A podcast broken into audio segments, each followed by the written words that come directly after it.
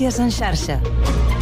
Bona tarda, són les 4, us parla Marc Ventura. Des d'aquest matí es fa a Madrid el Consell de Política Fiscal i Financera, una trobada per marcar els objectius d'estabilitat que serviran a les comunitats autònomes fer els seus pressupostos. A la reunió, però, no hi ha assistit la consellera d'Economia i Finances, Natàlia Mas Guix. La Generalitat, en canvi, aposta per una negociació bilateral amb l'Estat que serveixi per canviar el model de finançament. Tenim oberta una via de negociació bilateral amb l'Estat per abordar la qüestió del finançament. Per tant, serà a partir d'aquesta via que lluitarem pels recursos que la ciutadania de Catalunya, que Catalunya doncs, necessita i mereix. Mas Guix afirma, a més, que els pressupostos per al 2024 preveuen un creixement de la despesa del 6% i ha avançat que seran més expansius que la mitjana històrica, però no tant com el 2023. Per altra banda, el primer secretari del PSC, Salvador Illa, ha criticat l'absència de la consellera. En declaracions a la SER Catalunya, el socialista ha afirmat que és un error i una obligació anar-hi. Illa també ha lamentat que la situació actual amb l'educació, la sequera i les energies renovables és fruit de 10 anys anys de prioritats equivocades. I encara en clau política, Pedro Sánchez respon a les paraules del líder de Vox, Santiago Abascal, en què deia que hi haurà un moment en què el poble voldrà penjar-lo pels peus. El president del govern afirma que aquesta declaració és d'extraordinària gravetat i la vicepresidenta Maria Jesús Montero les ha qualificat d'indignes i de greu incitació a l'odi. Per la seva banda, el líder dels populars, Alberto Núñez Feijó, ha condemnat les declaracions de Bascal i ha acusat Vox de fer el joc al PSOE i apuntalar l'estratègia de crear un mur entre espanyols. Els treballadors de l'Institut Català de la Salut estaran cridats a la vaga aquest dimarts i dimecres en els centres d'atenció primària i a hospitals d'arreu del país. Els sindicats criden a l'aturada de totes les categories professionals de l'ICS en contra del tercer conveni laboral per a aquesta empresa pública, el qual consideren que és un insult a tota la sanitat pública i veuen greuges comparatius entre categories. I l'exconseller de Sanitat, Eduard Rius, ha mort aquest dilluns als 70 70 anys, nascut a Tarragona, Rius va ser durant 6 anys membre de l'executiu de Jordi Pujol. Més notícies. L'Agència de Residus de Catalunya invertirà mig milió d'euros en la construcció de la primera planta de rentat i tractat de llana d'ovella de Catalunya, a Tagamanent. Ho ha anunciat aquest matí el conseller David Mascort en una visita al municipi del Vallès Oriental. Això és tot. Fins aquí les notícies en xarxa. Notícies en xarxa. Quatre i tres minuts. Comença el Connectats.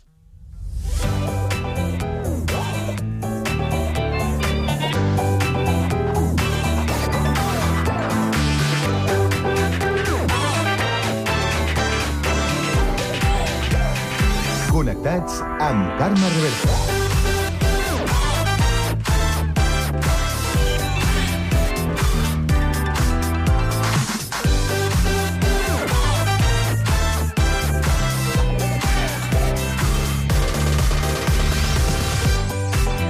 Molt bona tarda, salutacions i benvinguts un dia més al magazín de tarda de la xarxa al Connectats de l'àrea metropolitana de Barcelona, un programa que, com sabeu, fem Ràdio Sant Cugat, Ràdio Sabadell, la Municipal de Terrassa, el Prat, Ràdio, Ràdio Ciutat de Badalona i Ràdio Castellà. Una salutació de tot l'equip conduït a la part tècnica per Pablo Palenzuela i de qui us parla, Carme Reverte. Avui és dilluns 11 de, de desembre i volem saber quin temps ens espera aquesta tarda. Lluís Mi Pérez. Una situació molt tranquil·la amb la que hem començat aquesta setmana. Sí que encara queden alguns núvols més baixos i fins i tot amb boira cap a la Catalunya central, però la tendència és que es trenquin força aquests núvols. Encara en quedarà algun fent que la situació quedi també força fresqueta al voltant de la Vall del Cardener, cap al Solsonès, a l'altiplà de la Sagarra, a l'Altanolla aproximadament. A la resta del país, les immediates hores simplement núvols prims, com els que tenim que van deixant el sol esfilagarçat, o ni això, amb una mica de vent, vent de ponent que sobretot a les comarques de Tarragona i del sud de la Catalunya central bufarà amb més força, vent ressec, que farà que la temperatura fins i tot pugi més que la d'ahir a gran part de la costa, del prelitoral, de les comarques de Girona, tarda que tindrà màximes de més de 20 graus a moltes poblacions. El dimarts arribaran alguns núvols durant la tarda, sobretot a l'Alt Pirineu, però el que farà és força vent al matí a Girona i al matí més aviat al sud del país. Us seguirem a la xarxa.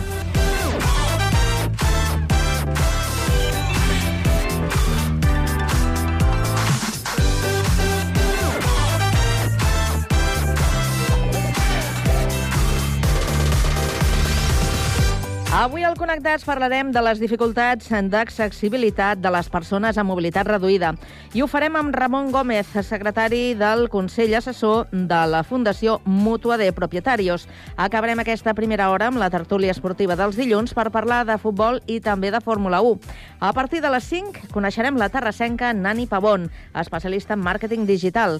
Continuarem amb ciència per centrar-nos en un estudi que alerta del risc de la mala fama dels ratpenats. Acabarem amb cultura i ho farem amb el conte El monstre Joan i els indis, il·lustrat per una dibuixant sabadellenca de 14 anys. Tot això i més des d'ara i fins a les 6 de la tarda a la vostra emissora local. Connectats? Comencem! Dance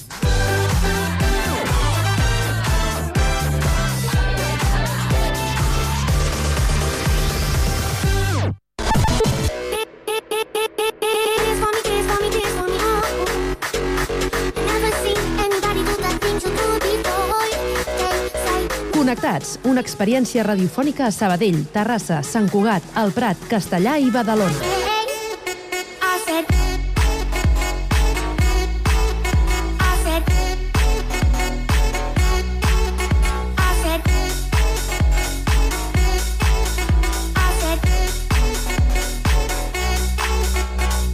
Connectats amb Carme Reverte.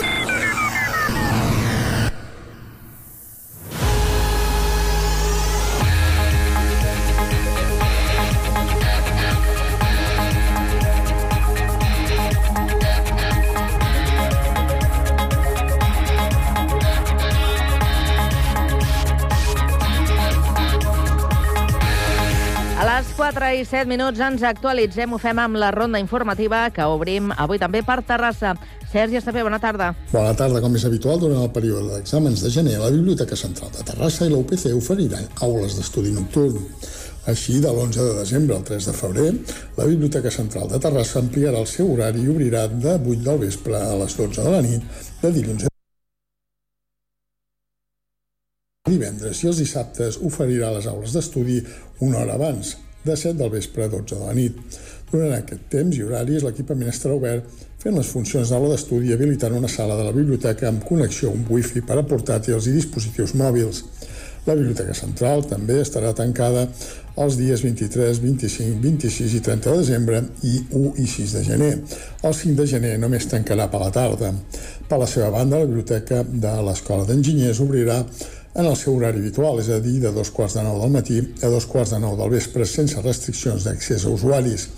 A més, durant els dies 27, 28 i 29 de desembre, del 2 al 7 de gener i el cap de setmana del 13 obrirà de 9 del matí al 9 del vespre amb accés restringit a estudiants de l'UPC. Gràcies, Sergi. I ara seguim per la Q capital del Vallès Occidental. Sabadell, Pau Duran, bona tarda. Bona tarda. En la dècada d'activitat de l'associació Ningú Sense Sostre, el nombre de gent que dorm al carrer s'ha triplicat, fins a arribar a les 300 persones actuals. En els seus 10 anys d'història han allotjat a 190 persones, tot i que no tothom s'ha pogut reinserir. Sí que es compten 36 casos d'èxit. Actualment gestionen 9 habitatges amb 44 persones acollides i els divendres donen àpats al seu local per un grup d'entre 20 i 30 persones, més el que reparteixen en ruta en tres cotxes. Han donat més de 1.100 peces de roba en els últims 3 anys. El Joan i el Mario han explicat al programa al matí com es viu al carrer. Dorms amb un ull obert sempre, per que et pugui passar.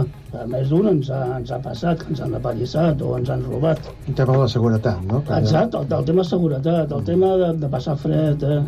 I aviam, jo vaig estar un any o així dormint en un cotxe. Estar un any així dormint un cotxe, fins que, dormint al cotxe, per problemes de circulació i tot, va vindre una trombosis i una embòlia pulmonar. I vaig estar un mes ingressat pues, a l'hospital. Expliquen que el treball amb l'associació va incidir en la seva autoestima, fent que es tornessin a valorar.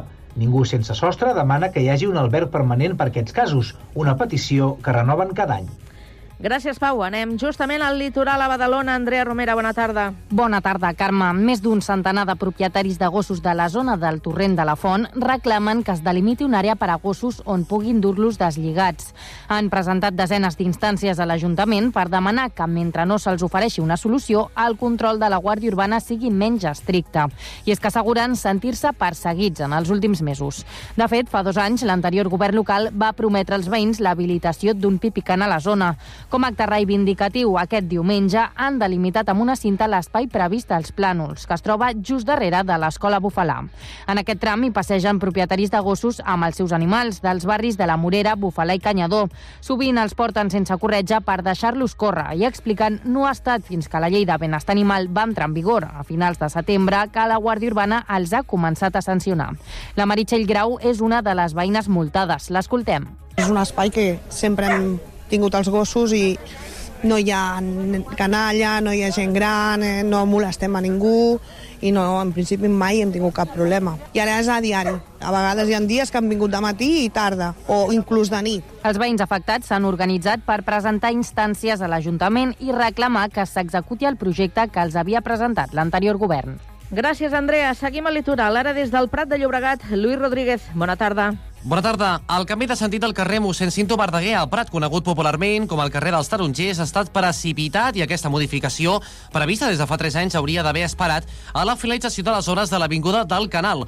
Així ho ha admès l'alcalde Lluís Mijolera a l'espai polític Contrasengues del Prat Ràdio, on ha assegurat que cal amb urgència l'aprovació del nou pla de mobilitat al Prat final doncs, anem fent parxes i a vegades les solucions no són idònies i a vegades també ens equivoquem, segur, eh? perquè a mossèn Cinto Verdaguer ens vam equivocar, o sigui, no, no, no, no podíem fer aquests canvis quan encara després estava tallat, encara no havíem acabat les obres d'Avinguda del Canal, es va tallar també Santiago Rossinyol, o sigui, això va ser una mica desastre, jo crec que ens vam equivocar absolutament amb el moment que ho havíem de fer. Ens cal, ens cal un pla de mobilitat de forma urgent eh, i un pla de mobilitat, sobretot, que entengui que és un pla de mobilitat sostenible. Pel que fa als treballs de reforma de l'Avinguda del Canal, Mijoler ha anunciat que abans que acabi aquest any es farà la visita final i l'entrega d'obres i ha demanat disculpes al veïnat de la zona pel retard provocat per múltiples complicacions alienes a l'Ajuntament.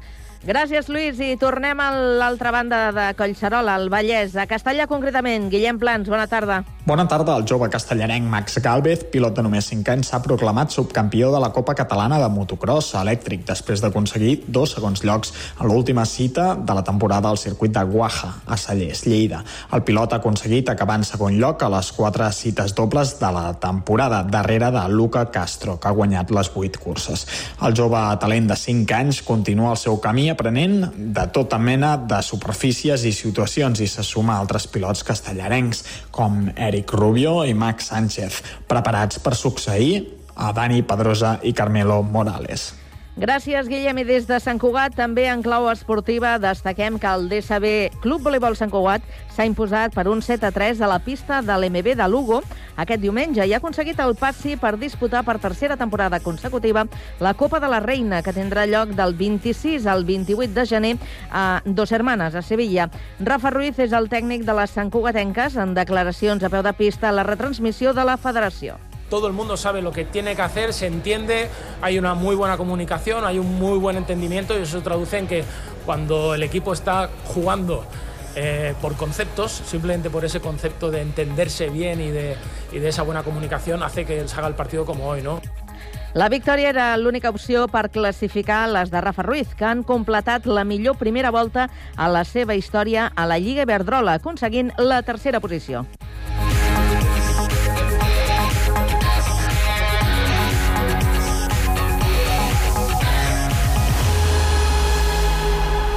A la tarda, no et desconnectis. A la teva ràdio local, connectats. Can't touch this. Can't touch this.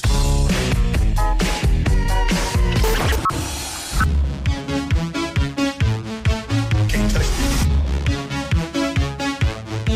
Can't touch this. Connectats amb Carme Rebé.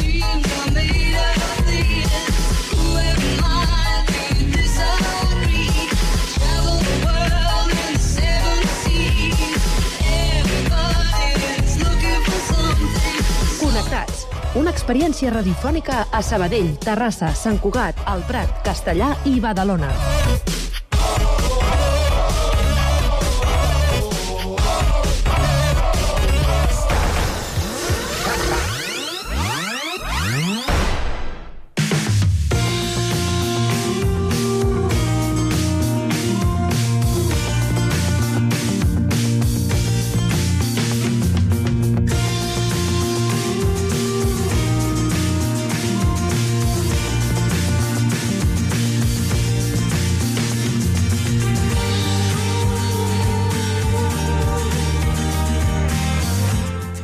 Dos de cada deu persones amb mobilitat reduïda han hagut de canviar de casa per falta d'accessibilitat. Són dades de l'informe d'Accessibilitat i Mobilitat, millorant la qualitat de vida de les persones amb discapacitat, elaborat per la Fundació Mútua de Propietarios. En parlem sobre aquesta qüestió amb el secretari del Consell Assessor de la Fundació Mútua de Propietarios, eh, Ramon Gómez. Bona tarda. Molt bona tarda. Bé, el 20% dels catalans amb mobilitat reduïda han hagut de canviar de domicili per falta d'accessibilitat de l'immoble on residien, una xifra que ascendeix al 31% en el cas de les persones que es desplacen en cadira de rodes. Uh, Explica'ns a quins problemes quotidians s'enfronten aquestes persones. Bueno, eh, a veure, en, en general, eh, les persones amb mobilitat reduïda es troben amb dificultats per sortir de casa seva. Vull dir, lamentablement, només un 0,6% de, dels edificis a Espanya estan totalment rehabil... eh, perdó, eh, són totalment accessibles. D'aquesta manera, eh, tenen eh, dificultats per poder pues, accedir al carrer eh, amb, amb total normalitat. No? Eh, temes com la manca d'ascensors o l'assistència de graons que dificulten la sortida o l'accés del carrer a l'ascensor o l'inrevés, doncs són els que més dificulten la- la- l'accessibilitat la, d'aquestes persones. Uh -huh. En aquests casos, la- l'habilitació dels immobles eh, l'hauria d'assumir la persona amb mobilitat reduïda. No sé si hi ha algun tipus d'ajuda econòmica per part de l'Estat, de la Generalitat, en, aquests, en aquestes situacions. A nivell de l'immoble, de la comunitat de propietaris eh, habitualment, eh, la comunitat és la que té que afrontar eh, aquestes despeses. Si hi ha una persona que té mobilitat reduïda i ho proposa a la comunitat, eh, estan obligats a atendre-la. Després és cert que hi ha algunes eh, ajudes, tant eh, a nivell diguem-ne, eh, d'ajuntaments i també, com per, per exemple, la pròpia Fundació Mutua de Propietarios, que també fan eh, programes, diguem-ne, d'ajudes per eh, doncs, subvencionar parcial o totalment doncs, doncs, aquestes obres. Sí, però en el cas, de, estem parlant, eh, en el cas de les comunitats, ens deies tu que serien les pròpies comunitats qui han d'assumir eh, el, el cost d'aquestes reformes, però posem-nos en, en el cas de, de l'habitatge particular on, on hi ha de viure aquesta persona. Eh, si s'hagués de fer alguna remodelació, alguna reforma per adaptar aquest eh, habitatge, existeixen eh, ajudes eh, parti per a particulars?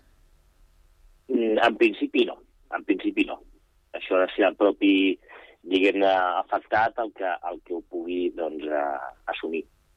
De fet, com diu l'informe, hi ha, hi ha eh, persones, sobretot que van en cadira de rodes, que han hagut de canviar de residència perquè l'habitatge eh, amb el que residien no contemplava les, les, diguem-ne, les mires d'accessibilitat i han hagut de canviar de pis per poder, doncs, eh, poder saber llogar correctament. Mm -hmm. I si mm, aquest és un primer problema, el segon problema vindria per la part eh, pel cost econòmic. Quin seria el preu mitjà d'una adaptació d'aquest tipus, d'un habitatge particular? Sí, el cost, el cost mitjà eh, per llar eh, està en uns 1.361 euros. És la, la xifra que estima eh, el nostre estudi. El que és cert també és que oscil·la en funció del tipus de de- d'edifici, no? si són eh, de menys plantes, més veïns, i aquí pot, pot variar una miqueta doncs, l'antiguitat també de l'edifici, pot condicionar també segons quines obres, i aquest preu pot oscil·lar, com deia, en funció d'aquestes variables. No? Però la mitjana que surt són aquests 1.361 euros per, Mhm. mm -hmm. per pis. Imaginem que és una dificultat afegida a, a l'haver de fer aquestes eh, remodelacions, per la qual cosa imaginem que hi ha molta gent que, que opta per mudar-se, no? Correcte. És així, és així. Eh, segons el nostre estudi, hi ha, hi ha un percentatge de, de, de proper del, del 30% de persones amb, amb, amb, amb mobilitat reduïda que fan servir sobretot eh, l'ús de cadires de rodes que s'han vist obligats, com dèiem abans, a canviar d'habitatge per poder doncs, eh, tenir una vida més autònoma no? dins de casa. Clar, però Ramon, m'imagino que el panorama no millora gens eh, triant aquesta segona opció perquè eh, quin és el mercat eh, eh, que hi ha amb aquestes característiques adaptat per a persones amb mobilitat eh, reduïda? El mercat Bueno, d'habitatge.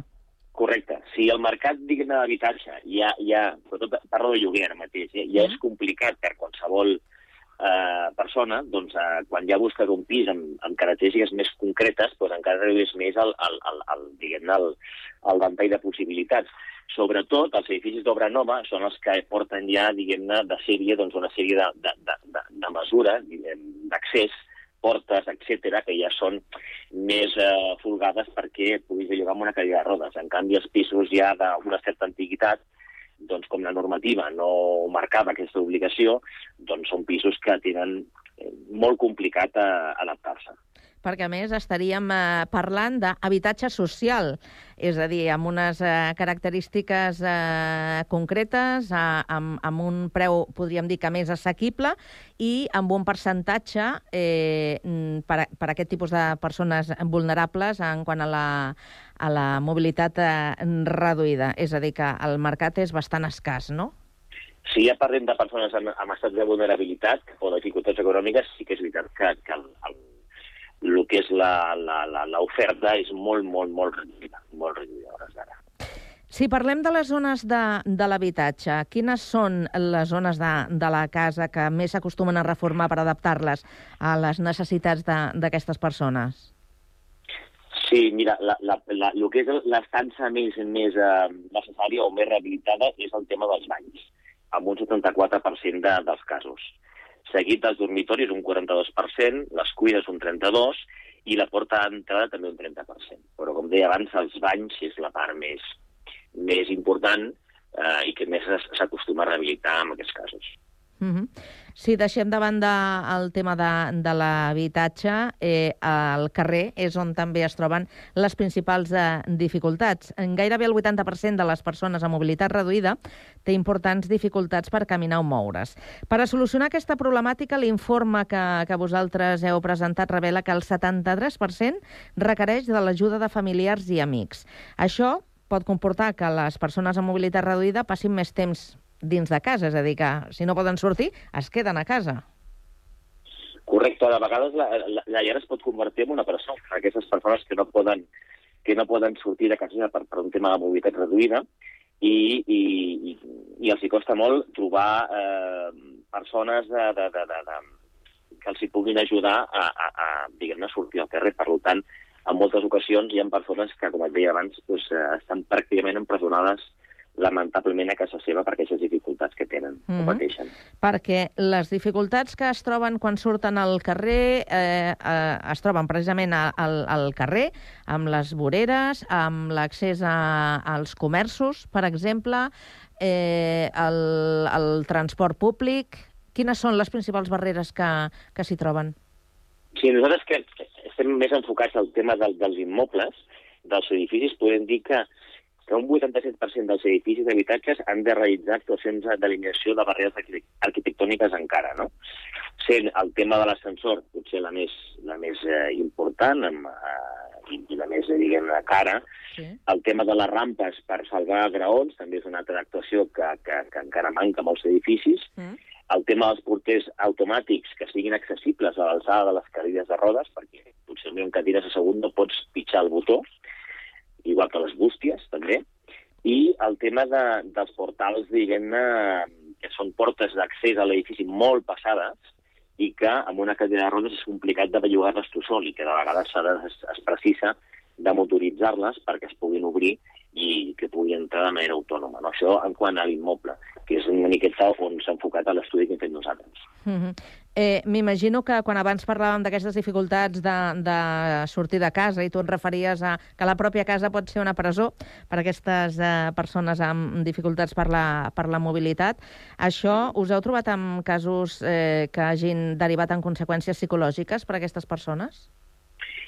Eh, sí, correcte. Sí. De, de fet, eh, existeix una clara relació entre la manca d'autonomia i l'estat d'ànim. En concret, l'informe eh, ens, ens, ens diu que un 60% de les persones amb mobilitat reduïda eh, se senten malament amb elles mateixes. Una percepció més accentuada encara entre les persones més grans de 70 de 70 anys, que a més són les que tenen un grau, diguem-ne, de, de dificultat més per sortir de casa i que també tenen dificultats a nivell tecnològic per comunicar-se amb, els, amb la família o amb els amics perquè tenen aquesta bretxa, diguem-ne, tecnològica, Mhm. que la gent més jove no en tenim, i que fa que estiguin encara més aïllats a casa seva.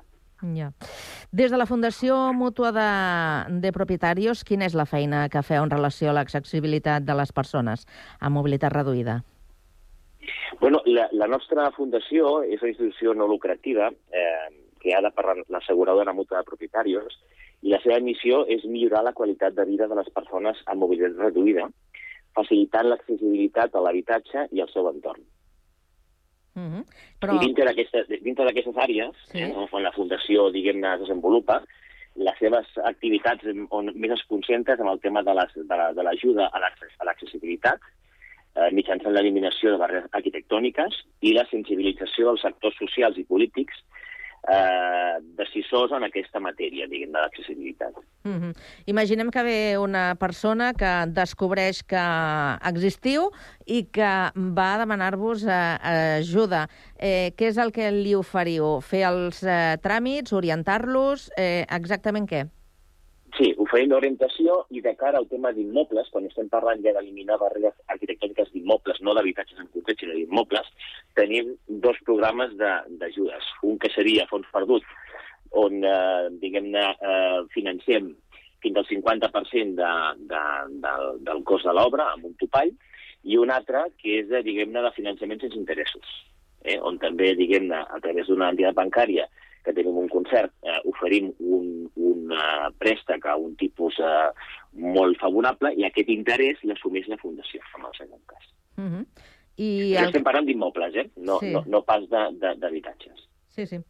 Eh, imagino que també rebeu eh, o ateneu eh, demandes no? de persones amb mobilitat reduïda.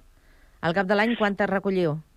Bueno, eh, no sé el número exacte, però són, són, són moltes. Vull dir, dintre del que seria la nostra atenció, diguem-ne, informació, sí que rebem moltes consultes, moltes, moltes demandes, i quan no les podem vehicular, com et dèiem, els programes que tenim, el que sí que fem és intentar doncs, eh, informar les persones a quines, a quines asso associacions o, o, o ens s'han de dirigir per, per, per mirar de cursar-les. I quina, Però sí que són moltes, I sí. quina seria, Ramon, la més recurrent? Bueno, el, tem el tema de, de, la, de, la, de la manca, diguem-ne, de de- de- de- d'accessió del carrer, de- d'estar atrapats a casa seva, de, de no tenir manera de poder sortir, eh, en moments com, per exemple, amb el, amb, el, amb el del confinament, de la pandèmia, doncs vam tenir moltes trucades de gent que tenia dificultats per, inclús per, per poder doncs, comprar aliments. Eh, vull dir, tot això doncs, eh, hem, hem anat doncs, intentant doncs, a, a ajudar de la millor manera les persones que ens han, que ens han cridat en cada, en cada moment. Mm -hmm. I com veus de cara al futur que mm, aquesta situació, aquestes mancances, aquests obstacles que, que es troben aquestes persones doncs, eh, acabin eh, regularitzant-se i, i convertir-se eh, en una normalitat, perquè puguin tenir una vida més, Mhm. més, més normal, més accessible, com, com tenim la majoria? Bueno, afortunadament, a nivell constructiu, des de fa ja uns quants anys, la normativa ha canviat i qualsevol finca nova que es fa ja ha de contemplar unes, una normativa per accessibilitat que fa que aquelles, aquells habitats, aquells edificis, doncs siguin plenament accessibles. Per aquesta banda, eh, a poc a poc s'anirà renovant el que seria el, el, el, el parc eh, immobiliari. No? I a nivell del parc antic, doncs aquí és, és la feina que fa, per exemple, la, la, la nostra fundació de conscienciar els sectors socials i polítics perquè tots ajudin eh, a nivell de conscienciar la societat d'aquesta d'aquesta necessitat, perquè al final eh, tots ens farem grans i gairebé tots tindrem alguna, algun tipus o, o algun grau de dificultat Mm. a l'hora de bellugar-nos el dia de demà. Per tant, és un, és, una, és un tema que ens afecta a, a tots. A tots. El que passa és que quan som joves no ho veiem tan a prop, però els que ja tenim pares, hem tingut pares grans, doncs ja, ja, ja, ja ho hem patit en els nostres cars. No? És un tema que ens afectarà a tots i que, per tant, hem d'invertir eh, recursos i, i, i, bueno, i, i, i, i motivació per, per, per arreglar-ho. Mm -hmm, està clar. Ramon Gómez, secretari del Consell Assessor de la Fundació Mútua de Propietaris, moltíssimes gràcies per passar pel Connectats i aclarir-nos eh, doncs, eh, tot el que heu reflectit en aquest eh, informe. I això sí, que passeu molt bones festes, que vagi molt bé. Igualment a vosaltres. Moltes gràcies. Gràcies i bona tarda.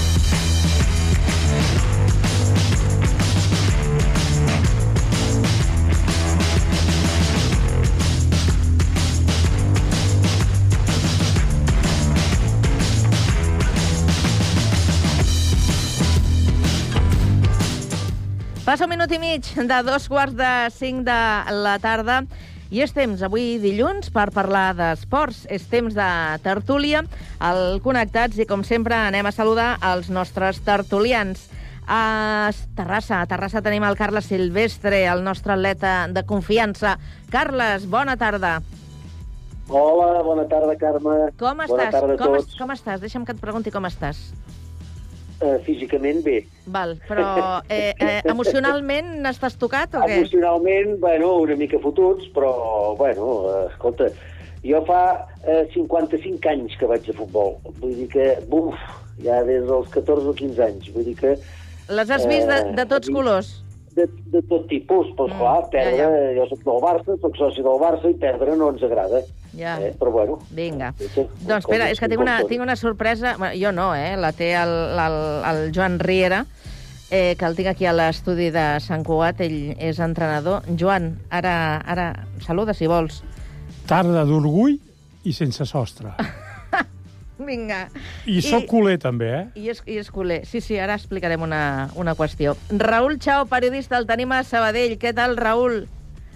Molt bé, Carme, aquí Com- Com... estem feliços. Ha tornat a sortir el sol. Com a, fut, com a futbolero, eh, m'imagino que ahir vas disfrutar amb el partit.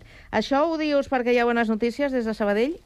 Sí, hem guanyat, hem guanyat. Després de 69 dies ha tornat, hem tornat a guanyar, així que, així que la felicitat ha tornat i ja comencem a veure la cosa amb una altra perspectiva i l'objectiu de la salvació el tenim a 7 punts, així que s'ha de lluitar sigui com sigui. Oh, encara queda temps, no? Sí, sí, queda temps, però una derrota contra l'Unionistes, que era el rival que estava allà també a la visionant una mica la zona del descens, sí. guanyant-lo era un cop d'anímic molt, molt fort i així ha sigut, així que uh, van fer dos passos endavant. Vinga, arlequinats. I després, uh, fent la, la teva pregunta, ahir vaig gaudir molt, és a dir, Sí, no? ja vam parlar la setmana passada, jo, jo que vaig donar com a favorit al Girona, i crec que no, no m'he equivocat perquè, és a dir, el Girona és, un, és, una, és una passada, és una passada. Pues, mira, el Joan resulta que tu vas entrenar el Girona... Sí, a tercera divisió. A tercer... Ui, imagina't, eh, a la tercera divisió, i ara està de líder de la primera, eh, amb els grans, eh? eh com diu la samarreta... A quin any va ser? Quin any, sí. Bona pregunta. Te'n recordes? No. No te'n recordes? El 80 i pico, sí. Ostres. També vaig entrenar al Sabadell, vaig estar també de, de, al costani del Sabadell a segona B, aquest que és de Sabadell. El Raül. A quin any també, per, per, per curiositat? l'època que hi havia els dos germans de presidents i que van fer la, la van fer la promoció per no baixar. I la vam guanyar. Ostres, això són I preguntes l'últim de... partit de Lliga vam jugar a Mataró, a Mataró, que el Mataró havia baixat, i ens vam voler fer la guitza, perquè si perdíem, eh, perdíem també l'opció de la promoció per no baixar. I al fi vam guanyar ja 0-1, que em van expulsar a mi des de la banqueta, imagina, i que va de venir de, de veure un altre partit. Bé, doncs eh, hem fet una miqueta de, de història, no? L'època del Roca, del perdó ofici del Roca, que se m'anà amb el Raikar. Eh, ara estarà el Raül buscant, eh? La... Que busqui, que busqui. No, no. Jo, jo diria, diria que és principis dels 80, però... Sí, sí, podria ser, sí. Sí? No te'n recordes? Va. Érem un Eh, equip tècnic molt, molt maco, que no entrenàvem a, la, entrenàvem a, a baix de les, a la piscina i entrenàvem també moltes vegades a un poble d'aquí dalt de tocant a, Palau- a Palau de Plegamans que té Camp d'Herba, un, un col·legi privat. Fèieu estanys? Ah, no, entrenàvem allà perquè no teníem opcions d'altres camps. Ja, ja, ja. Deia que avui el, Amb el Joan... Roberto Elvira d'entrenador titular. T'has en recordat? Roberto. T'has en recordat? Mentre vaig parlant em vaig Sí, recordar. vas, clar, fas memòria. Dic ara sí, que avui el Joan ha vingut amb una samarreta vermella, però vermella, vermella, que posa orgull gironí. Orgull gironí. Aquesta samarreta de quan és? Ja fa temps que la tinc, fa molt de temps. Fa, fa temps. Sí, veus, és del I, i la, la treus avui? Eh? Home, és que avui és per treure-la, eh? Sí, no?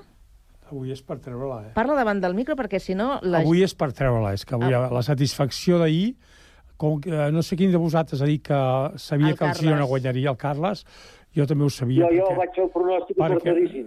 Tenim... eh, El Barça està en una altra, està en una altra fase, està a la fase de, de, de, de, del propi desprestigi de l'entitat. Els jugadors i els tècnics. Però escolteu una cosa, el Xavi ha, Però, tor ha tornat a dir... Joan, Joan. Escolta, Joan, si ets, si, ets, si ets del Barça no pots aplaudir que hagi guanyat el Girona. Jo sí, collons. perquè, Quin- home, quin- eh, quin jo sí, jo sí, perquè s'ha quedat a casa. No, no, el, el Ah. Girona és rival. No, el Girona no arriba. el Girona és català, eh, jo he sigut entrenador i estimo el Girona, estimo el Girona tant com el Barça. Igual que tu pots estimar la, la, la, a la pista d'atletisme, o pots estimar la muntanya, o pots estimar el que els Sí, 50 bueno, i pico d'anys que tens experiència d'entrenadors. Però jo, el que, la forma, la forma, la forma del treball, la forma d'emprar els partits de l'equip tècnic de la Barça i dels propis jugadors que no tenen ganes per res, per res, al costat del Home, Girona... ahir va entrar més bé el Barça que el Girona perquè els primers 20 minuts el Barça eh, va jugar bé els primers 20 minuts. Ja, això és el que li deien els, els nens petits, permet, els nens petits quan deien uh, papa, hem fet un partidàs. I jo el primer que els hi preguntava, heu, heu perdut? Diu, sí, però llavors ha fet el partidàs el que ha guanyat. Ah, bueno, sí, si et bases, si et bases, si et bases amb el resultat, eh, sempre tindràs raó. És que el futbol és resultadista, el futbol no és el que Això, guanya... llavors, ara no em parlis, no em parlis de que va jugar bé el Girona, parla'm del resultat. El Girona, fer, resultat el Girona va quatre- fer el partit, ido, el partit idoni per guanyar. Vinga, anem a camp neutral. Sí. Anem a camp neutral. Raül, què et va semblar el partit? No, el, el Raül tampoc és neutral, no és, no és, no és culer. Home, és més aviat tenim- anticuler. Tenim un defensor del, del, del Girona i un altre del Barça, anem a camp neutral. Vinga, Raül. A mi el partit em va agradar molt, és a dir, el plantejament de, de. Mitchell va ser igual, igual que contra el Barça, que si fos contra l'Almeria, que si fos contra l'equip que sigui de primera divisió. Per mi el partit va ser la clau Miguel Gutiérrez, Miguel Gutiérrez des del lateral esquerre, Sí, que és el per mi és, aquí és una errada molt gran de, de Xavi, que Miguel Ah, Gutiérrez és un, és un lateral que puja moltíssim, que és com si fos un altre Ah. migcampista, i si tens a Miguel Gutiérrez a l'extrem dret, que en aquest cas és Rafinha, ha de seguir-lo durant tota l'estona. Avui, eh, mirant el, el resum del partit una altra vegada, s'ha vist la imatge perfecta, com quan en el segon gol de, del Girona, en el gol de Miguel Gutiérrez, com Sí, va sí. corrent sol, sol, sol, i Rafinha Sol. va caminant, dient, bueno, ja, ja serà problema d'un altre jugador, quan era problema seu, evidentment, i aleshores allà ve el gol de Miguel Gutiérrez. I ja un Couto passa exactament igual amb, amb Joao Fèlix, és a dir, ja un Couto puja molt, perquè el Girona està jugant amb tres centrals, i el, a l'extrem, en aquest cas Joao Fèlix, ha de perseguir. Si no persegueixes, el Girona sempre tindrà una superioritat numèrica al davant, com es va veure. I la, una de les claus del partit va ser aquesta, perquè és que semblava sempre que el Girona tenia un jugador més uh, quan feia la pressió, un jugador més quan tenia la pilota, i, uh, i això és molt important. I també al mig del camp, no? Aleix Garcia... Com, com, es eh, diu, com es diu uh, col·loquialment, saben apamentar millor el camp, el Girona. Ahir va saber apamentar millor el camp. 100%. Sí. El problema és que ha abandonat el Xavi el 4-4-2 de l'any passat. Aquí fots un quart centrocampista i ni el Joao Fèlix ni el Rafinha s'han de preocupar És tant. que ahir faltava Perquè- l'Oriol Romeu per motivació. Sí, sí, sí, sí, sí, sí, sí. Però hem de jugar al 4-4-2 que va donar bon resultat l'any passat, que vam guanyar molts partits i vam guanyar la Lliga. 1 a 0 i perquè la, la resta 1 a 0 i perquè la resta d'equips no competien l'any passat. Bueno, això no val, Joan, no val això. Si guanyem és perquè els altres són dolents, si perdem és perquè els altres són tontos. No, no, no val això, collons, hòstia, no fotem. Va, va, No fotem, competir, va competir com l'any passat al. Madrid, l'Atlètic de Madrid i la Real Societat no van competir. Bueno, perquè el Barça va estar més bé, eh? Vull dir, escolta, eh, no, no fotem. No, això de, de, de, de si es guanya és perquè els altres no competeixen, eh, no em val a mi. Tots competeixen igual i, i, i van igual de forts. Eh? O, també el Girona dic que el dia del Madrid eh, també s'hi va cagar. Veurem si quan vagi al Bernabéu s'hi cagarà igualment. Eh? El dia del Madrid m'agradaria que guanyessin. Quina El llàstima, quina llàstima que no ho van fer al revés, no? Que, que, toqués, que toqués perdre... ha de tornar, ha de tornar al sistema del 4-4-2 o 4-2-3-1. Deixa... Tots els equips del món mundial juguen amb 4 o 5 centrocampistes. Ell en jugava amb 5 el Girona, amb aquelles dues ales que heu mencionat dels dos de la, de la banda, el Miguel i el, i el, el de l'altre cantó. I el Couto. Eh? Vull dir que el Couto, vull dir que, eh, hosti, és claríssim. Hi ha uns espais, i al mig del camp nostre no és dolent aquests tres, Pedri, Gundogan eh, i De Jong, però són tocadors. Eh, vam fer només una falta en tota la primera part. Una falta en tota la primera Hi ha, part. hi ha un, un, un periodista d'una d'una gran I- i cadena els ja va dir que aquests, tre, aquests tres centrocampistes no roben ni un taxi. Exacte, sí, sí. Escolta, No paren ni un taxi, no paren ni un taxi. Vinga. I són bons jugadors, són dius- molt bons jugadors, però falta musculatura al mig del camp, perquè els delanters nostres tampoc baixen. Eh, el Rafinha és l'únic que apoya una mica, però ni el Lewandowski ni el Joao Fèlix baixen a defensar, es queden moltes vegades a dalt. Eh, a aquelles èpoques, a les èpoques glorioses del Guardiola, teníem l'Eto que baixava, el, el, el, el Juli que baixava, eh, el Pedro eh, que baixaven a defensar, vull dir, i tots els equips, juga, juga, els davanters han de baixar a col·laborar, no podem jugar al 4-3-3 amb els jugadors que tenim. Vinga, no deixem el Raül. Cap, això, Xavi, Raül. no hi haurà cap solució. Això que deies del, de que ni cap dels tres migcampistes haguessin robat cap pilota, és a dir, això nota encara més la, la necessitat de tenir un pivot defensiu. És a dir, si a aquest Barça li poses Ah. un, un Rodri, li poses un, un Zubimendi, Ara, ara. li poses aquest perfil de Ara. jugador, uh, no s'hagués notat tant, però és a dir, si el problema és que, per exemple, en el mateix gol de Miguel Gutiérrez, és que aquest gol mm, és per... Mm, serveix per moltes coses per veure totes les carències que té el Barça. És a dir, quan va pujar Miguel Gutiérrez, allà, si no va a l'extrem, el pivot defensiu, quan està a punt d'entrar a l'àrea, ha, de- ha de barrar-li el pas. És a dir, no pot xutar sol a, mig, a 10 metres de la porteria com estava. És a dir, allà hi havia algú, i allà De Jong, que era el que estava fent de pivot, no ho va fer. I això, a Muriel Romeu, que dèieu, és que hagués estat el partit per ell. Però clar, és a dir, vist el, el, el nivell d'Oriol Romeu aquesta temporada tampoc era que estigués tirant la porta enrere, a baix per poder jugar. Que això també podem parlar de Mitchell Xavi, no? perquè és a dir, Eric Garcia eh, l'any passat em semblava un central mm, fluixet i aquest any em sembla un dels centrals de la Lliga i això té a veure amb Mitchell, és a dir, Oriol Romeu l'any passat era el millor pivot de la Lliga, que així ho van donar els premis i aquest any és el suplent del suplent del suplent. Aleshores, aquí Bueno, també es parla de, de aquí Mitchell. Aquí hi ha una altra cosa. A veure, el Barça ha de quedar primer. Segon ja no val. El Girona, de moment no tenen cap pressió. Tot el que facin, en- entre, entre quedar de l'1 fins al 8, és ja una classificació sensacional. Vull dir, si entren a Europa, que és, eh, em sembla que el 7 juga això de la conferència, eh, fins al 7 serà un èxit esclatant. De moment juguen sense cap pressió. El Barça té la pressió que ja sabem de sempre, de tota la vida. Ha de quedar el primer, perquè si no queda el primer, el de més no val per res. Eh? I els jugadors això ho noten, l'Oriol Romeu allà jugava més eh, distendit, el, el, el d'això també, l'Eric Garcia igual, veurem si, si el, quan torna l'Eric Garcia aquí, Can Barça jugarà igual. Vull dir, eh, el havíem criticat bastant perquè havia fotut bastants fallos aquí l'Eric Garcia. Eh? Mm. Els dos Igual pivotes fotent defensa- El Condé aquest, el Condé aquest dels pebrots, també que... Aquell... Sí, home, la pilota aquella dividida Sí, sí, gol es deixen dur, sí, es deixen dur un rebot que és per matar-lo, home. Sí, sí, Si no últimament- Fot, fot a la terra. Últimament surt Fot a totes la les fotos. del Girona, tu. Surt a les a fotos. terra, però... El Condé, si em permet, ja surt mentalitzat que el lloc que el posa el Xavi no vol jugar. Un jugador així té el 50% marmat mentalment. Segona, eh, quan jugava l'Oriol Romeu... Bueno, França el- juga de lateral. En França juga quan de lateral. Bueno, allà, fa, Allà allà, allà, allà perquè si no, no va convocat en França.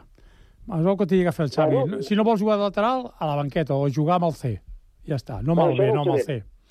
Què anava a dir-te? L'any eh, dius, jo per mi els dos pivotes defensius, per jo, jo soc dels com 4-2-3-1, per reforçar bé totes les zones, apamentar bé el camp, pues També, dos pivotes defensius que l'equip anava bé era l'Oriol Romeu, Musco i el De Jong a, a direcció, direcció cap a porteria. Aquests eren els pivots defensius. I, que, I jo sempre he dit també el mateix. Aquest, l'alemany, aquest, el, el que estava al City, eh, ahir va fer un gol però no soluciona, tampoc soluciona res. No soluciona res. Tampoc no és, no és un crac pel Barça. Pot ser un crac pel City. Poder esperàvem una mica més. Poder Sí, jo sempre he dit que em recordava a l'art de Turan. Sempre ho he dit. Home, gairebé tot el que ha vingut del City Home. han sigut... No parlem dels rebaixes 55 Corte milions, no parlem dels 55 eh? milions. Han semblat Que- les rebaixes, vull dir No que... parlem del Ferran Torres, ja. Eh, sí, uns quants. Eh, per cert, eh, el Barça té compromís de Champions eh, aquest dimecres. Eh, jo pregunto... El, el, el femení. Bueno, el femení també. El masculí però també. El masculí també. Ah, vale, vale, vale. El masculí ha de tancar la, la, la lligueta, que ja té la classificació al sac. Però eh, jo pregunto, si resulta eh, que, com diu Xavi, aquest Barça encara està en construcció... Penós. En construcció, encara, eh? Aquesta encara. frase és desafortunada. Ah. Penosa, desafortunada. penosa. Sí, hi ha algunes. Tots els Jo diners crec que que s'han gastat... jo crec, jo crec que es referia a les obres del Camp Nou. Sí, això sí que està en construcció. Eh, però l'equip, parlar d'un equip en construcció aquestes alçades de la temporada venint d'on d'on venim, eh, no, no és eh, justificació. Però si, No és una frase acertada, si no. partim d'aquí, quines aspiracions té aquest Barça a la Champions? O sigui, a vuitens, li doneu més vida a partir de vuitens? Sí, home, sí, i tant, i a quarts. Sí? Sí, home, arribarem fins a semifinals. Això, això que el això, Barça... canvia, això canvia com un mitjó. El futbol és canviant. Eh, Jo sempre dic les notes a final de curs. El que passa que, és clar, esperar fins a final de curs no tindríem programes i no podríem fer res. Ja. si hem d'esperar fins a final de curs. Eh? Està, eh, eh, el secret és el que eh, eh, ha dit el Joan o dic jo, 4-4-2 o 4-2-3-1. I si el Xavi no fa això, llavors sí que poder ja no tenim marge. Eh? Perquè el 4-3-3, amb els jugadors que tenim, no es pot fer. Vinga, a la No Champions fer tu sí que els hi dones corda, no? I, home, ara ens classificarem a octaus. A octaus eh, podem tocarà el Paris Saint-Germain. Molta, aquesta molta, so, tenim, molta sort. Molta sort hauran de tenir. Raül, com els veus a la Champions? Jo malament, és a dir, és un equip que no en transmet res a Europa. Uh, jo, si arriba a semifinals, per mi seria un miracle. Eh, jo el veig a quarts de final perquè és el que deia ara el Carles, és a dir, a, quart, a, vuit, a vuitens de final a priori et tocarà un segon de grup, no, no, et tocarà un segon de grup que a no ser que et toqui un PSG o el del grup del PSG, que podria ser un Milan, Newcastle o Borussia Dortmund, que allà hi ha molta qualitat, sinó els altres segons de grup mmm, que et podria Sí, tocar un Inter, si, si, la, si la Real Societat et po, uh, queda primer de grup. Però és que mm, vigilant, o tenint en compte, millor dit, que el Barça en un grup amb l'Oporto, amb l'Amberes Mm, i el mm, Shakhtar clar. Donetsk a- va perdre contra el Shakhtar Donetsk, és a Sí, dir, un sí. Shakhtar Donetsk que no, que no pot jugar al seu país, que està jugant a Alemanya, contra el Porto, que allà a Portugal van patir, uh, contra l'Amberes, que l'Amberes és l'Amberes, amb tots els respectes. Aleshores, si amb aquest grup mm, no has fet un ple, jo crec que patiran a vuitens fins i tot a quarts. Eh, Joan? A favor de, de l'últim tertulià. Totalment. Jo, que- jo crec que no passem... Bueno, ara hi ha un marge fins al febrer. no, no, no al passem ni a, tal com està el Barça avui dia, poder el Girona faria més bon paper a la Champions. 100%. 100%. Ostres. El Girona faria més bon paper. El Girona sí que arribaria a les, a les semifinals, el Girona. Perquè el Girona té l'ànima té l'ànima del Madrid. I soc, té l'ànima del Madrid. I d'avui dia sempre ho he dit, i el Madrid té una ànima que, que ningú la pot rescatar. I el Girona està agafant l'estela aquesta. Digueu ben clar el que he dit. I el Barça, tal com està, està mort. Aquest equip està mort. I el Xavi, que no té, no té passió, no té no sempre la mateixa excusa, ho heu dit molt bé, que està en construcció, que si hem, hem tingut 30 oportunitats de gol, la frase que he dit, qui guanya, qui fa gols. Uh, sempre està mal, que si necessito un mig defensiu, que si necessito un extrem, que necessito un altre porter, que, què necessita llavors? Què ha de fer una selecció mundial? Per què? Perquè s'esbarrin més els jugadors encara del que estan. Ahir els jugadors, Car- no, ningú sabia on jugava ahir, eh? Ningú, eh? Això és molt... Imp... Ojo, eh? Vinga, que uh, tanquem el, el, aquest episodi del... Ca- Carme, un, Sí. i, una, i un apunt final. És Vinga. a dir, uh, tenint en compte també que el Barça ha perdut Ter Stegen, que per mi és el millor jugador que té el Barça, que va ser el millor jugador de l'any passat, l'ha perdut fins al febrer. És a dir, encara que Iñaki Peña sigui un bon porter, com, com va demostrar el dia de l'Atlético de Madrid, uh, encara no està al nivell de Ter Stegen. I això és una baixa que notarà moltíssim el Barça, que notarà moltíssim. És a dir, el Madrid ha notat molt la baixa de, de, de Courtois. I això ja han hagut de fitxar a Kepa i tenen a l'únic Mm. que ara mateix està rendint a un nivell. Sí. Però és a dir, Ter Stegen és molt, però molt bon porter. Per mi és el que millor. tenim baixes reals i unes altres baixes metafòriques, que és que són al camp però no hi són. o sigui que, com si no hi Si fossin. em permet, tinc Com si no entès que el. Condé, el sou del Condé i, i el comptat al Condé són tants diners com el pressupost del Girona. Sí? No ho sabem. Jo, jo no t'ho sé dir, no t'ho sé dir. Eh, Deixeu-me que canvi de, de tema. Hem parlat del Barça, hem parlat del Girona, i ara toca parlar de, de l'Espanyol, perquè d'aquí tres dies hi haurà Junta General d'Accionistes. L'equip, esportivament, tot i el canvi d'entrenador, encara no, encara no rutlla. I la setmana que ve contra, contra el Piqué. I res... Andorra? I resulta Sí, que, que a la...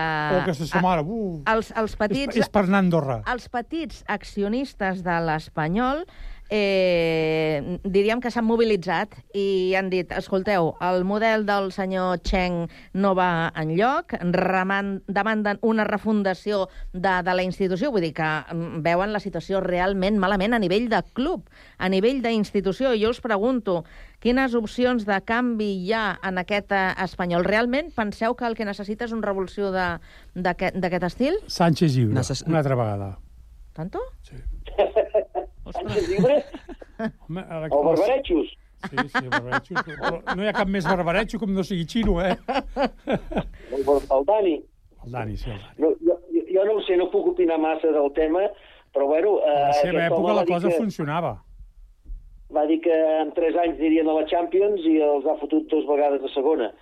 Vull dir que, esclar, a més, es veu que hi ha dèficit també, un dèficit eh, monetari fort, i els jugadors, doncs, no sé, no acaben de, de jugar. La segona és molt forta i molt difícil, eh? La segona, pf, eh, hi ha 22 equips i hi ha 14 exprimeres, eh? Cada camp s'ha de treballar, però una cosa bàrbara. I, bueno, estan, eh, no estan dintre dels dos, dels dos primers, que donen l'ascens directe, i quedar-se a fer el play-off eh, del 3 al 6, eh, aquests quatre només en puja un. Home, amb l'entrenador que tenen, amb l'entrenador que tenen actualment, ja està acostumat a fer els play-offs, que no puja mai. El Ramis aquest, Mm. sí. No ha pujat mai, per no els ha fet i no l'ha pujat. No ho sé. Raül. La- L'Espanyol l'Espanyol necessita no gaire, és a dir, perquè amb Chen, que va dir que, la, bueno, que aquest any vindria a Barcelona per, per, per veure una, cosa, una mica com està tot, i no està ni se l'espera. I això és molt, molt negatiu. És a dir, tenim el cas del València amb Peter Lim, que, que viu a Singapur i que no ha, no ha trepitjat València, doncs Chen passa el mateix. I l'Espanyol aquest any ho té ho té fotut, és a dir, perquè a segona divisió, tal com estaven dient els, els meus companys, segona divisió és una lliga molt, però molt complicada. I no té la plantilla de fa dues temporades on es va passejar perquè tenia Raúl de Tomàs, tenia en Barba, etc etc. Darder, el mateix Darder. Tenia una plantilla que, que no podia haver baixat a segona divisió i la van pujar de manera fàcil i tranquil·la. I, I aquest i any David hauran López. de pair molt. I David López, que és que David López va ser un, des, un, un descarte de, de l'Espanyol i mira el nivell que està fent el Girona. Um, I aleshores l'Espanyol necessita aire nou i sobretot pujar com sigui, perquè la segona divisió després, si no puges el primer any, uh, perds molts diners perds molts diners i bueno, mira, mira el Sporting de Gijón, mira el Zaragoza, mira l'Oviedo mm, equips històrics que han, porten 10, 15, 20 anys a segona divisió i que no poden pujar. Sí, sí, si no puja aquest any, pelut ho tindran. Sí, Home, els hi ha el marxat, el que, és el que diu el Raül, els hi ha marxat gent molt bona, gent bona, bons jugadors, i esclar, amb el que tenen no arriben. Però ja ho hem comentat en alguna altra ocasió que la gestió que s'està que s'està fent eh, és que li falta ànima realment al, al club, no? Li falta... Un president que està a i sobretot 15.000 amb- quilòmetres, esclar, escolta, què vols? Has, has d'estar aquí, has de viure-ho. El president ha d'estar dintre el club i, i treballar-ho des d'aquí. eh, Allà el xen aquest, que, que en sap. Escolta. Els darrers cinc mesos, n'hi ha sis, un altre que només el- va de Tiberis, també. Eh? N'hi ha un altre que només va de Tiberis, no fa falta que sigui o no hi sigui. Vinga, Raül. Em, em refer... Dic que els últims 7-8 mesos el president, diem, que ha donat la cara sempre ha sigut Luis García. Luis García, des de que va agafar l'Espanyol, s'han menjat tots els merders possibles, tots, que no li hagi importat cap extrem, que no li van portar cap central al mercat d'hivern, i, i el pobre, a la mínima que van poder, el van fer fora, no? Aleshores, mm, l'Espanyol allà té un problema. Bé, els últims eh, minuts ja veurem a veure com eh, evoluciona això i si realment hi ha op- opcions de, de canvi. Eh, Fórmula 1, no sé si sou aficionats o no a la Fórmula 1. Jo molt, Eh, jo el, molt. el, a Catalunya acaba, diríem, el, el Gran Premi de Catalunya el 2026 o 2027 i el que volen des de Madrid és sí o sí tenir un gran premi allà, en un circuit eh, semiurbà. Però des de la mateixa FIA, la Federació Internacional, el que diuen és, senyors, que les coses s'han de començar de, de zero, de sota, i no... Ui, ui. No sé si aquí també hi ha una mica la, la competició entre Madrid, Barcelona... Sí, home. El país, el país, el país crec que independentista de serà- l'Ayuso... Ara, ara. Si parlem tots alhora, no, eh? Vinga, Raül. Uh, recordem que fa uns anys uh, a Espanya hi havia un gran premi que era el de València i que ara mateix és un circuit fantasma perquè es va abandonar a causa de les coses del PP i aquestes coses i a mi em fa tota la tota l'espina que a Madrid volen fer el mateix, és a dir, un circuit a més que seria per rics, perquè serien entrades per rics, no aquí a Catalunya per 150 euros pots, uh, la Pelus pot estar els 3 dies i Catalunya i la Fórmula 1 és una història lligada des de fa més de 30 anys. Aleshores, això no es pot trencar. I jo espero i jo confio que la Generalitat i el circuit i la FIA uh, continuïn perquè la Fórmula 1 ha d'estar a Barcelona. Ho van anunciar, que volien Totalment continuar? d'acord amb el Raül. Volen continuar, volen continuar. I jo crec que continuaran, Sí, sí, perquè la a Fórmula favor 1 i vostre. Barcelona no poden separar-se. Aquests de Madrid només ho poden comprar a base de fotre una gran billetada allà Ojo, sobre la taula. ojo, si tants o- milions... Ojo amb, la, ojo amb la Ayuso, ojo amb la Ayuso, que la República Independente de Madrid, de la Ayuso, ojo. Val. Prenem nota. Senyors, que tingueu molt bona setmana. Acabem aquí la tertúlia dels dilluns. Que vagi molt bé. Adéu-siau. Bona setmana. Adéu. Vinga. I visca el Girona. Adéu.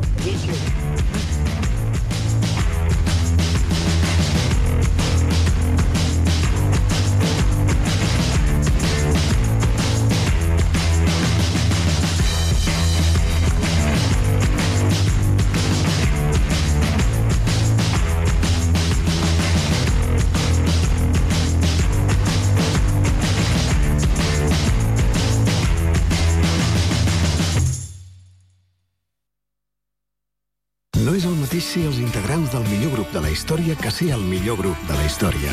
Per això, el grup català Occident serem Occident, perquè per continuar assegurant-ho tot, tot i tot, ens havíem d'ajuntar tots, tots i tots. Entra a seremoccident.cat. Tots sabem que Sant Cugat és una ciutat molt activa i cada dia es fan moltíssimes activitats. No et perdis les que t'interessen. Cugat Mèdia adapta l'agenda a tu perquè gaudeixis de manera fàcil i senzilla les activitats de Sant Cugat. Els filtres de cerca de la nova agenda et permeten trobar ràpidament l'activitat que busques per tipus, cultura, música, infantil, esports, per localització, data i preu. Fes la teva cerca des de l'ordinador o al mòbil a www.cugat.cat barra agenda i incorpora directament al teu calendari les activitats que no et vols perdre. L'agenda de Cugat Mèdia és la més completa de Sant Cugat i ara també la més útil.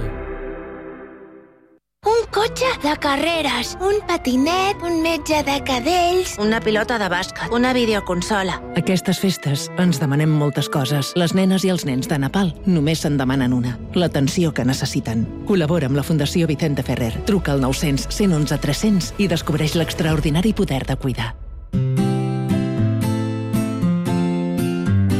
Aquest Nadal confia els teus àpats a Teca Sàbat, plats preparats amb productes frescos i de primera qualitat. Des dels plats de tradició nadalenca fins als més elaborats amb una àmplia gamma on triar el que més s'adapta als teus gustos. Sorprèn els teus i gaudeix del plaer de convidar i no cuinar amb Teca Sàbat. Teca Sàbat. Ens trobaràs a la Rambla Ribatallada número 26, al passeig Francesc Macià 87, I a un clic a tecasàbat.com.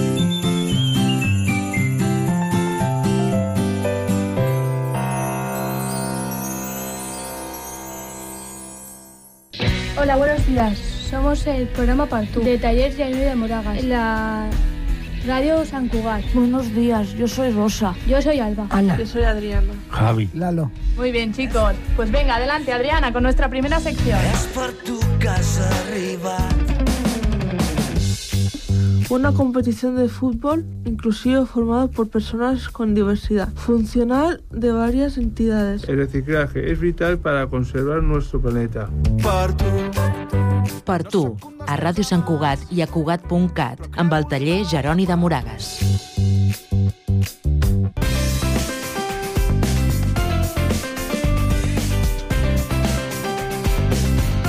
Ràdio Sant Cugat, 91.5 FM.